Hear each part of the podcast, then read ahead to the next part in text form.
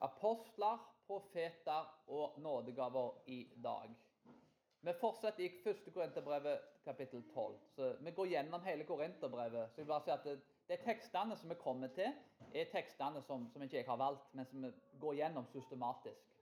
Som er mot slutten av Korinterbrevet. Og I dag er vi altså endt opp med i denne teksten som handler om apostler, profeter og nådegaver. I mitt liv så har jeg sett mye karismatiske ting. Eh, det er kanskje mange av oss som har det. Eh, så det har ikke vært mangel på eh, å blitt eksponert for de tingene. Lest litteraturen eller hatt erfaringer. Jeg nevnte jo en gang tidligere at jeg kom jo til tro gjennom Eller kom tilbake til tro, er kanskje en bedre måte å si det på. Gjennom en person som i stor grad da ville beskrive seg selv som en profet. Ja, mye profetier, og en fyr som var på mange måter eksepsjonelle. Eh, til tross for jeg hadde veldig, egentlig mange gode erfaringer med denne personen, så vel som mange andre folk, så har jeg nok kommet til litt andre konklusjoner i dag. Den personen kanskje som har vært påvirka meg mest, var igjen en person som ville beskrive seg sjøl som en profet. Eh, det var en person som var på mange måter eksepsjonell. Eh, når det kommer til karakteren og måten han levde på, så var det rett og slett en, en person som jeg nesten vil beskrive som en engel. Eh, jeg har aldri møtt noen tror jeg, med, med kanskje en sterkere salvelse og gudsnærvær. Og en person som, som, hadde en omsorg for sine medmennesker som jeg tror nesten ikke har sett i etterkant. Da. Jeg har ofte tenkt i etterkant om denne personen var ekte. Men det var bokstavelig talt en engel som var blitt sendt inn i livet mitt. da. Og jeg lærte mye av denne personen. Og det var ikke nødvendigvis argumentene og, og, og det han på en måte forkynte, til tross for det var mye gode ting han sa, som overbeviste meg mest. Men det var personen. Det var karakteren, og det var personen. Jeg husker ikke så mye av det han sa, som jeg alltid sa, men, men jeg husker personen. Men denne personen var rett og slett eksepsjonelle. Og til den dag i dag så sitter jeg igjen med et inntrykk av at ja, dette var en person som virkelig som Gud brukte, og som ja, gjorde store ting for Gud. Men den største nådegaven som denne personen hadde fått, var ikke åndelige gaver. Det var en gave med nestkjærlighet og elska mennesker rundt seg. Det var en gave at han var helliggjort og levde veldig enkelt. Og, og tenkte alltid på andre foran seg sjøl. Det er en av de mest, minst egoistiske folkene jeg har truffet for kanskje hele mitt liv. Og, og det er en stor nådegave å ha. Og en nådegave som vet jeg påvirker ikke bare meg, men mange andre folk rundt ham.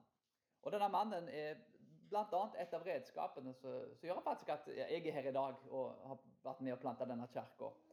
Så jeg er veldig takknemlig som sagt, for den personen, til tross for at jeg ikke deler all teologien hans i dag. Dette med apostler og profeter, så vel som andre nådegaver, er ting som dagens kultur snakker mye om. Og Vi skal gå litt inn på dette i dag, for det kan eksistere mye forvirring. Og vi tenker kanskje ja, men på Paulus tid så, så var det ikke sånn. Men i Korint så ser vi at det er mye forvirring. Det er mye av de samme problemene og spørsmålene som vi har i dag. Så Paulus måtte òg klargjøre dette med apostler, profeter og andre nådegaver. Han hadde ikke trengt sagt dette hvis det var tydelig og klart. Men det var uklart, og derfor så måtte han ta dette opp. Så Vi skal gå gjennom dette med apostler, og profeter og andre nådegaver. Og Vi begynner med dette med apostler og profeter. Apostler blir satt først, fordi det er det viktigste. Og det virker som at det er en, en, et hierarki der. At apostelen er størst, og så kommer profeten etterpå, og så går gavene deretter. Det virker som at Paulus argumenterer på en sånn måte. Ordet apostel er ifølge ordboken ganske likt en profet i Det gamle testamentet. Altså En nytestamentlig apostel blir som en gammeltestamentlig profet. Iallfall ifølge visse folk. Folk med spesiell innsikt i Guds mysterier, som er Guds budbringere. Apostel er en person som er utsendt av Gud for å utføre en oppgave. Det er viktig å skille her mellom apostler og profeter i Bibelen. I Feserbrevet 4,11 bl.a. Og apostler i dag, og, og apostler som ble direkte sendt ut av Jesus Kristus. Dette å være en apostel i dag kan være en ting som blir utsendt. Du er utsendt direkte fra Gud til å utføre oppgaver. Du kan beskrive faktisk ordet misjonær som en apostel. Du, du, er sendt ut for å plante ei kirke, starte et sykehus, altså forkynne evangeliet, kanskje en annen kultur. Eh, jeg har selv jobbet som misjonær i mange år. Jeg kalte meg aldri apostel, og det har jeg heller ikke tenkt å gjøre. da. Eh, for det er et ord som er veldig misvisende i dagens kultur, og har helt andre betydninger. Så jeg liker ordet misjonær bedre enn ordet apostel. Til tross for ordet apostel er et bibelsk ord som vi har lov til å bruke teknisk sett for å være bibelsk korrekte. Men nå er det som med alle ting. Ting blir misbrukt, og pga. det så vil en ikke bli kobla sammen med en del av den misbruken. Men Paulus gjør det altså likevel tydelig i Galaterbrev 1 at han ikke er utsendt av mennesker, men fra Gud. Paulus skiller seg fra en person som er sendt av mennesker, og gjør det klart og tydelig at han er direkte utsendt av Gud. Så der er altså forskjell på den bibelske apostelen. Hva enn jeg skulle mene om apostler i dag, så er ikke det det samme som du finner i Bibelen. Nummer én en må være øyenvitne til Jesus' oppstandelse for å være en av de utvalgte apostlene til Jesus Kristus. Apostelens gjerninger kapittel 1 vers 21-22, kapittel 4 vers 20 og 1. Korinterbrevet kapittel 15. Anbefaler at dere leser dette. Peter sier i Apostelens gjerninger 1, 21-22 at personen som erstatter Judas, må være et øyenvitne til oppstandelsen. Så med andre ord, du må ha sett den fysiske Jesus. Du må ha levd i Israel på denne tida og sett den fysiske Jesus. Det andre er at du må være spesielt utsendt av Jesus direkte. Matteus 10, 1-7, Apostelens gjerninger 1.24-26. Og Du ser faktisk til og med i Galaterbrevet 2 at Paulus, som ikke da var en opprinnelig eh, disippel av Jesus, eh, var likevel utsendt av Jesus. Og han var akseptert av apostlene som en opprinnelig og ekte apostel. For Paulus så Jesus på veien til Damaskus. Så en må se Jesus. altså Man har sett Jesus eh, etter han oppsto fra de døde, og en må ha blitt direkte utsendt av ham. Og Det gjør at de fleste av oss er diskvalifisert. Ingen av oss er 2000 år gamle. Ingen av oss bodde i Jerusalem og Israel for 2000 år siden. Ingen av oss var sendt ut for å gjøre ting direkte av Jesus Kristus. Og Dermed da, så er ingen av oss apostler i den forstand at vi har den autoriteten.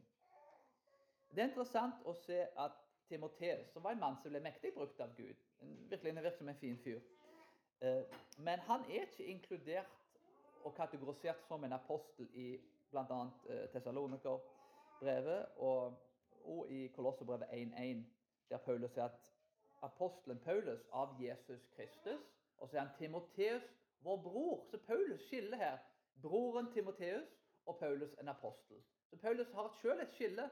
Timoteus hadde ikke sett Jesus på den måten som Paulus hadde. Han har ikke blitt direkte utsendt av Jesus, og dermed så var ikke Timoteus en apostel, han var en bror. En annen ting som er viktig å ha i minne, er at hvis apostler i dag Det er en idé som går rundt i dag, at apostler skal styre kirkene.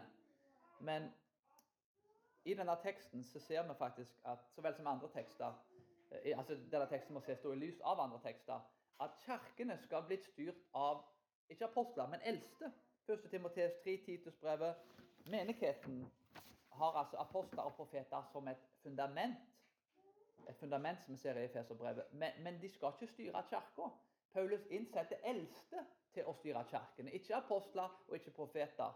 Og Det er veldig forvirrende hvis apostler skal styre kirkene, og så bruker Paulus to brev på å sette en eldste for å styre kirkene. Det virker mer naturlig å tenke at apostelen og profeten la grunnlaget for kirka, mens eldsten kom inn og, og fortsetter å bygge videre på det fundamentet som er bygd opp. Så det er altså Kirkene skal styres av eldste, da, ikke av apostler og profeter. Det var altså bibelsk sett en midlertidig oppgave som har en helt annen funksjon i dag enn det hadde på Bibelens tid. En av forskjellene blant annet, på de opprinnelige apostlene og, og disiplene til Jesus, Johannes 20-23, er at de kan tilgi synder. De får autoritet til å tilgi synder. Og vi vet med god samvittighet det er ingen i dag, verken som misjonærer eller apostler, som kan tilgi synder. Hvis jeg forteller dere at jeg kan tilgi syndene deres, så håper jeg at dere kritiserer meg for det. Jeg rettesetter meg og kanskje blir disiplinert for det.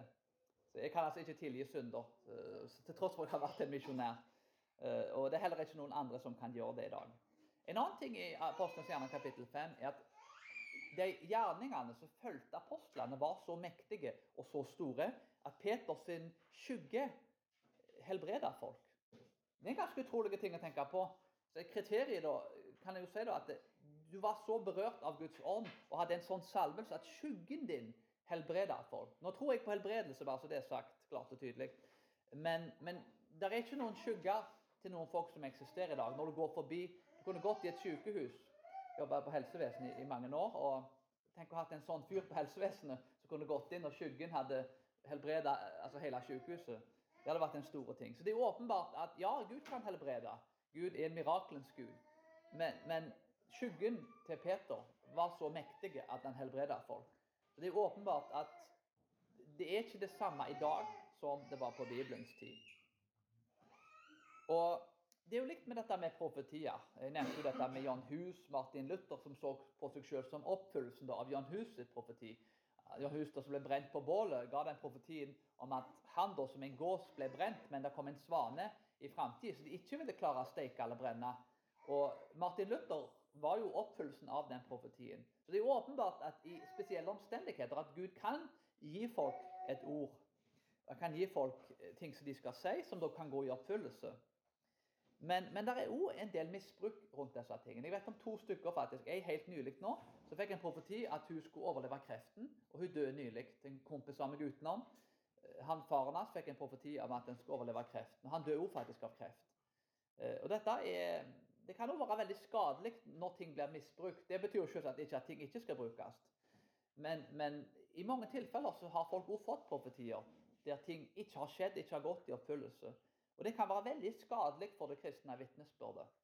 For folk rundt som overlever dette her. og jeg vet Kompisen min fikk et, ja, Han måtte rett og slett gå inn i, i Skriften igjen og tenke gjennom ting på nytt. Heldigvis så mista ikke han troen av dette.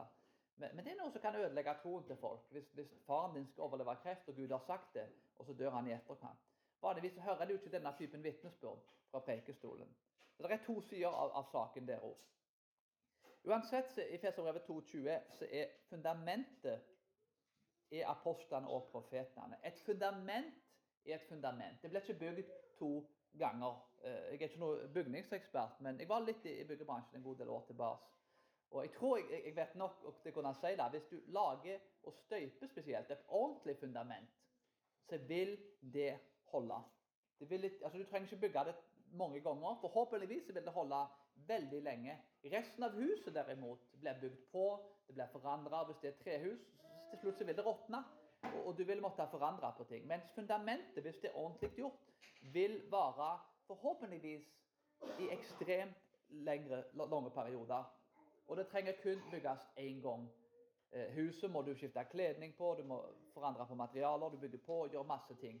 Så Resten av huset blir forandra på. Det er kun fundamentet som du da ikke forandrer hvis det er gjort ordentlig. Og Det gir mening at profeten og apostelen var fundament, mens resten av huset eh, var i oppgave som andre skulle bygge på videre. En annen ting som er viktig å ha i minne her, er 2. Mosebok 31, 18, bl.a. de ti bud, så vel som den progressive åpenbaringen av profetene. som I Det gamle testamentet så ble kanonen stengt, ifølge den jødiske historikeren Josefus 435 før Kristus. Så, så I 435, ifølge historikeren Josefus, så, så var det gammeltestamentlige. Profetiene var nedlagt i Bibelen. Og det var 400 pluss år med stillhet. Dette er det årene i Bibelen vi kaller 400 år med stillhet. Det var ikke profeter som talte. Det var ingen profeter som, sa 'slik sier Herren', det de måtte skrive og legge til bøkene. Malakai er den siste boken da i Bibelen. Så åpenbaringen kom, men når Bibelen ble nedskrevet, så slutta profetiene å komme. Og når Johannes døperen kom i ørkenen, da, når en røst roper i ødemarken, så, så, mener mange at dette var profetien til Malaki. Dette er Messias som kommer for å frigjøre oss. Endelig skal han knuse romerne. Og skal, vi skal sitte som seiersherrer sammen med, med, Messias. De 400 årene med stillhet da, viser at Det gamle testamentet, måten det fungerer på, er at profetiene stopper. Jøden Paulus er en gammeltestamentlig kar som kan Skriften utenat. Dette er en fariseer av en fariseer som er opplært av Gamaliel. Dette er en fyr som du ikke ville møtt i en debatt. Han kunne Bibelen temmelig godt utenat. Jøden Paulus tenkte nok sannsynligvis likt om Efeserbrevet 2,20. Paulus vil tro at apostlene og profetene grunnla kirka, for deretter at profeti og dette var en apostel ville fungere annerledes etter ting var etablert. Fundamentet for apostler og profeter er Jesus Kristus som hjørnestein. Og Det gamle testamentet hadde Moses som fundament, mens Det nye testamentet da har Jesus. Så til tross for profeten og apostelen er fundamentet, så er Jesus da hjørnesteinen som holder alt oppe. Så Du ser altså en, en ny måte ting blir gjort på. Du ser Det gamle testamentet med Moses, profeter, og du ser det nye med apostler profeter, med Jesus som den nye Moses. Så, så, Det er svært viktig å huske på når vi leser Bibelen, at det er jødisk bok. Det er gammeltestamentlig bok, altså Nye testamentet. Og folk som skriver, er dypt inn i Det gamle testamentet. De tenker, tenker gammeltestamentlig når de skriver. Historisk sett har protestanter forstått Efeserbrevet 2,20 til å referere til gammeltestamentlige profeter og nytestamentlige apostler. Og Kanonen i Det nye testamentet ble stengt rundt 397 år etter Kristus i Council of Carthage. Eh, men Det nye testamentet var jo nedskrevet omtrent 100 år etter Kristus. Så var det meste nedskrevet. Det er store debatter om da, Johannes' åpenbaring, om det egentlig var litt senere eller ei. Men, men uansett så ble det ikke mer enn 20-30 år som regel i forskjell. Så, så, så det er sannsynlig at, at, ting vil fungere likt. Det betyr ikke at ikke Gud ikke kan gi profetier, men, men, det har en annen funksjon i etterkant. Profeter og apostler var nødvendige for å legge fundamentet når kanonen ikke er nedskrevet. Men i etterkant da, så fungerer ting annerledes. Jeg nevnte en historie for det som har lest Nabil Qureshi, eh, 'Seeking Allah Finding Jesus', eller 'Søkte Allah fant Jesus'. En ting Han sa, at han, han fikk en åpenbaring av Jesus. Han så Jesus i en drøm. Masse muslimer ser Jesus i en drøm. Og dette er sant. De ser Jesus i en drøm. Det tror jeg oppriktig de gjør. Men de blir svært ofte i etterkant ledet til Bibelen. Og som regel så er det ikke drømmer de neste 20 årene. Det er kanskje én og to drømmer for å bli ført til Bibelen sånn at de kan få tak i Jesus Kristus i Skriften. Den samme Jesus som er i drømmen, åpenbarer seg en og to ganger. Og så kommer de videre til Bibelen, der de da blir mer etablert i troen og lærer om Jesus da, først og fremst gjennom Bibelen. Det virker som at det er sånn det fungerer. Helt til 1980 til 1990 så har det altså ikke eksistert noen forståelse eh, altså I 2000 år nesten i kirkehistorien så har det ikke eksistert noen forståelse av at apostler skal styre kirka. Så det har vært 2000 år med stillhet, ikke 400 år med stillhet. Men, men, men 2000 år Det er ikke før 1980 og 1990 vi får den forståelsen i dag. Som en del som påvirker, et stort nettverk som påvirker mange folk. At apostler skal styre kirka. Det var en, en, kompis av meg som fortalte en historie. De skulle plante ei kirke. Og det var en apostel i England da, som skulle styre denne kirka. Han hadde alle nådegavene. Han var lærer, profet, evangelist, apostel. altså Du tar alle nådegavene i Bibelen, lister de opp. Han hadde fått alt. Det var åpenbart en veldig begava kar. Men han ville altså fra England da, styre denne kirka eh, som, som, et vakttårn, nesten. Der han da styrte reglene hvordan ting skulle være. Heldigvis, da, så, så de, de, jeg kjenner, de, de, gikk ikke med på dette her, da. Og hele denne kirka ble faktisk avvikla. Men, men, det er noe med dette her at hvis det er en apostel alene skal sitte og styre ei kirke Eh, det er en tanke som er, som er, ganske skremmende når du får så mye makt sentrert i en person. Og Spørsmålet her vil jo være da, Hvis han da virkelig er en bibelsk apostel, sånn som Paulus, bør en ikke da forvente at skyggen hans ville helbrede folk? Bør en ikke forvente at de mektige gjerningene vi leser om i Det nye testamentet, vil følge en sånn apostel som skal styre kirka? Jeg vet ikke om han som sagt, påstod at han hadde de tingene, men det er iallfall en anvendelse her og en målestokk som en kan bruke. Så En kan ikke være en apostel uten da, å ha eh, tegnene som følger en apostel. En profet blir jo da, i motsetning til en apostel eh, En apostel får jo ord fra Gud, men en profet er jo da en talsmann for Gud. Vi ser at det blir nevnt igjen i Skriften her. Profeten er rangert etter apostelen, og i Efeserbrevet 2,20 så er profeten i lag med apostelen en del av fundamentet. Og Paulus sier her i Korinterbrevet at ja, at, at, profeten da er en del av denne, dette hierarkiet. En heter Bill Harmon, som da står for en apostel- og profetforståelse. og Han sier at eh, den ordentlige forståelsen av Skriften er skjult for vanlige mennesker. Men profeten, da, som er under apostelen, har en spesiell innsikt til å forstå disse tingene. Vanlige folk derimot kan ikke forstå dette her. Eh, den typen tenkning minner svært mye om gnostisisme. Det er en sånn spesiell visdomslærer som kun et utvalgt liten elite har tilgang til. Du må være en profet som snakker direkte med Gud, som er talerør for Gud. Hvis ikke, så kan du ikke forstå dette. Dette er helt motsatt av det du finner i Skriften. Det er akkurat motsatt av det du finner i Skriften. Det står faktisk at den vanlige mannen The common man understood him, det står på engelsk. Det har slett bedre på engelsk i mine ører. Men altså, den vanlige mannen forsto Jesus. Den som ikke forsto Jesus, var sadukera, farisera, de skriftlærde, de mest religiøse folkene, forsto ikke det Jesus sa. Eller de ville ikke forstå det, kanskje. Så med andre ord, De mest lærde var de som forsto minst. De som hadde fått mest innsikt og kunnskap om Guds ord, var de som forsto minst hvem Jesus var. De har venta i 400 år her, altså egentlig i 1400 år, på Messias. Messias kommer rett foran og spiser fisk på stranda sammen med dem. Messias kommer og, og, diskuterer med dem. Tenk om Gud hadde vært her hatt en diskusjon liksom, om, om Bibelen med ham. Han er rett foran øynene deres, og, og, og de er så blinda av egen arroganse og egen stolthet og, og egen kunnskap at de, de klarer ikke å se Gud som, står rett foran dem i en fysisk form. Mens den vanlige personen derimot, han forstår hvem Jesus er. Paulus går så langt og sier om en engel kommer til deg og forkynner et annet evangelium Ikke nok at det er en profet eller en apostel eller hvem enn det er. En engel. Om han forkynner et annet evangelium til deg, la han være forbanna. Vi har eksempler med, med ja, f.eks. Josef Smith og, og Mohammed, som, som, så engler. Engler som talte til dem og forkynte et annet evangelium. Og Ifølge Paulus da, så, så skal en altså ta det på en litt hardere måte eh, enn å si at det er en annen måte å se ting på. Paulus vil si at det, er en forbannelse som følger med sånne ting. Så en skal avstå fra disse tingene.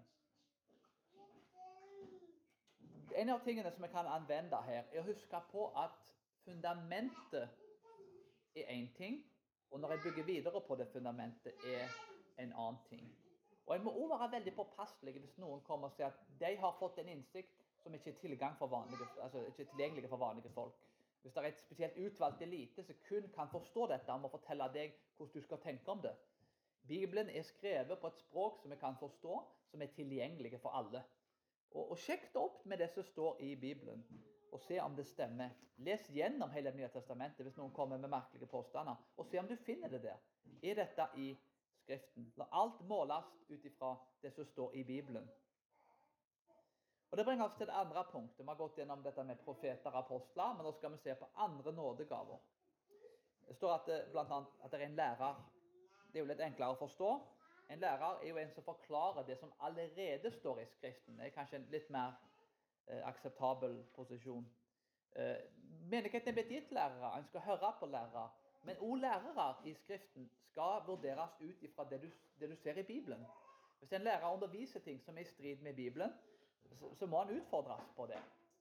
Så, så, til og med en lærer er bonden av grunnloven vår, som er Bibelen. Og En lærer kan ikke gå utenfor det som står i Bibelen. Og En forsamling har til og med, med i oppgave å holde pastorer og lærere og holde de ansvarlige for det de sier. En skal ikke bare ta alt for god fisk. Og Jeg lærer alltid datteren min opp at du lover meg én ting. Du må alltid stille gode spørsmål. Du må alltid være kritiske. Alltid. Hvis du slutter å stille spørsmål, så slutter du å lære. Ikke bare ta ting for god fisk, uansett hvem som sier det. Fordi at noen er lærde og kan mye, så betyr ikke det at de automatisk har rett i alle ting. Men en god lærer, forhåpentligvis, og en god bibelsk lærer forkynner det som er sant, og det som er rett om Gud. Og Dermed da, så kan det bli en stor velsignelse for kirka. Der står kraftige gjerninger. Nådegave da, til å brede, tale i tunger og tyde tungene. Eh, vi gikk litt gjennom dette tidligere, men jeg ser mer dette på som en eh, ting som fungerte mer etter Guds vilje. Ikke nødvendigvis et embete, men en tjeneste som fungerer ut ifra Guds vilje. En tjeneste som uttrykte seg gjennom ulike folk til oppbyggelse for kirka. Det virker derimot som i 1. Korinterbrevet 12 at det var mye krangel og stridighet om disse åndelige gavene. Ja, men jeg følger Apollos og Kefas og, og, og, og Paulus. Jeg har fått mer gaver enn den personen. Det virker som at det leder folk til stolthet. Og Dette er jo i strid med enhetsprinsippet da, som Paulus vektlegger. Folk ble helbreda, mirakler skjedde. Men jeg tror nok i større grad det var noe som skjedde midlertidig. Og alt dette har som et mål å peke på Jesus Kristus og Guds ord. Vers 31. Men strev etter de beste nådegavene, og jeg vil vise dere en enda bedre vei. Jøder og filosofer, hedninger ofte, i denne kulturen så på disse tingene, dette med gaver, profetier og mirakler, som en ting som var sjeldent. Det var, jeg kan gjerne si at det var noe som en liten utvalgte gruppe hadde fått. Kanskje et individ som hadde fått. Det var ikke noe som var demokratisert og gjort tilgjengelig for alle. For jøden så ville det vært en, en revolusjonerende tanke å si at hedningen, han som ikke var født jøde, han har nå tilgang, som står i Joel, eh, at alle skal profetere. Altså Døtrene og sønnene skal profetere. At profetien nå plutselig blitt tilgjengelig for, for alle folk, til og med hedninger, er for jøden en revolusjonerende tanke. Og det er òg en måte å vise at evangeliet er for alle. Gud hadde alltid en plan, ikke om å bare frelse jøden, men å frelse alle. Så En kan gjerne si da at kristendommen, da, eller Nye testamentet, demokratiserte nådegaven og gjorde det tilgjengelige for alle. Men dette handler i større grad om ulike tjenester som uttrykker seg i ulike personer, mens Ånden ga sin nåde til de ulike medlemmene og sine gaver til de ulike medlemmene for å bygge menigheten opp. Og Det er svært viktig at hvis gavene bryter ned menigheten i plassen for å bygge opp menigheten, så er det kanskje ikke av Gud i et sånt tilfelle. En annen ting som er viktig å huske på her, er at nådegaver alle mulige gaver kan være en fin ting. Men den viktigste nådegaven, og kanskje et kriterium å vurdere ting ut ifra, er karakter. Svært ofte så tenker vi ikke på denne måten i dagens kultur. Når vi ser hva Paul sier i teksten her, så ser vi at de tenkte likt på denne tida. Nådegaver er ikke viktigere enn karakter. Jeg anbefaler som sagt alle å høre på den podkasten the, Rise and the Fall of Mars Hill med Mark Driscoll. Eh, det er sånn klassisk eksempel som så godt illustrerer hvordan mennesker tenker. Mark Driscoll var en veldig, veldig, veldig begava person. Veldig intelligente. Hadde tre ganger mer energi enn folk flest. Sikkert tre-fire ganger større arbeidskapasitet enn folk flest. Dette var en fyr som lett kunne snakke en time. Jeg tror folk kjeder seg hvis de snakker en halvtime. Men han kunne snakke en time da, uten å kjede folk. og er, Da er du begava. Da er du en skikkelig begava formidler. Det, det, er en utrolig formidlingsgave som han hadde. Veldig karismatiske, uhyre intelligente. Eh, veldig, veldig, veldig begava. Usedvanlig begava. Men, men karakteren hans gjenspeilte ikke gavene. Og Grunnen til at han ble så populær, var ikke pga. Den, den, den store karakteren hans. Det var pga. de utrolige ytre gavene. Karismatiske kar, veldig flink å snakke, hadde alle disse tingene. En begava fyr. Og dermed da, så, så ble han haussa opp og har ødelagt vil egentlig mer vil jeg si, enn han har gjort godt av. Og det var ikke sånn at alt det han sa, var feil. Han forkynte rette ting og gode ting og hjalp mye folk til å forstå det som sto i Bibelen. Men til slutt så falt dette riket, da, som påvirka millionervis av folk i verden. Og feilen der, helt fra start, var vel egentlig noe som alle kunne se. Karakteren var ikke like god og like store som nådegavene. Så et kriterium der, samme hvor begava og hvor mye nådegaver en person har fått, en må se på karakteren til folk. Karakteren er viktigere enn nådegavene.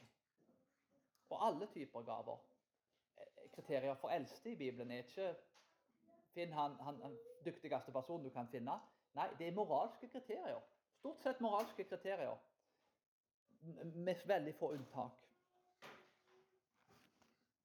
Alt dette her er med å peke på en ting. Jeg skal avslutte med det. Jeg skal bare lese fra brevbrevet 1.1-4. Alt dette er med å peke på noe. I brevbrevet 1.1-4 så står det mange ganger og så på mange måter har Gud tidligere talt til fedrene gjennom profeter. Men nå i disse siste dager har han talt til oss gjennom Sønnen. Ham har han innsatt som arving til alle ting. Ved ham har han skapt verden. Han er avglansen av hans salighet og avbildet av hans vesen, og han bærer alle ting ved sin krafts ord. Etter at han hadde fullført renselsen for våre synder, satte han seg ved majestetens høyre hånd i det høye. I de siste dagene, i de tidligere dagene har han talt gjennom profetene, og de siste dagene så har han talt gjennom Sønnen. Profetene har hatt sin oppgave, og de har gjort gode ting. Men profetene og apostlene og alle nådegaver er med å peke på noe som er mye større. De er med å peke på det største miraklet og den største nådegaven og den største mektige gjerningen av de alle. At Messias døde på korset for oss. At han oppsto fort til himmelen.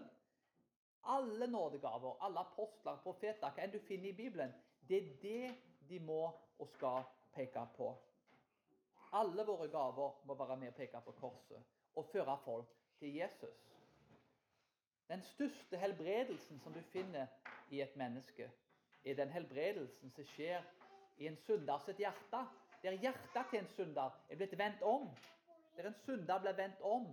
Han omvender seg ifra synden. Han tror på Kristus og lever i Hans nåde.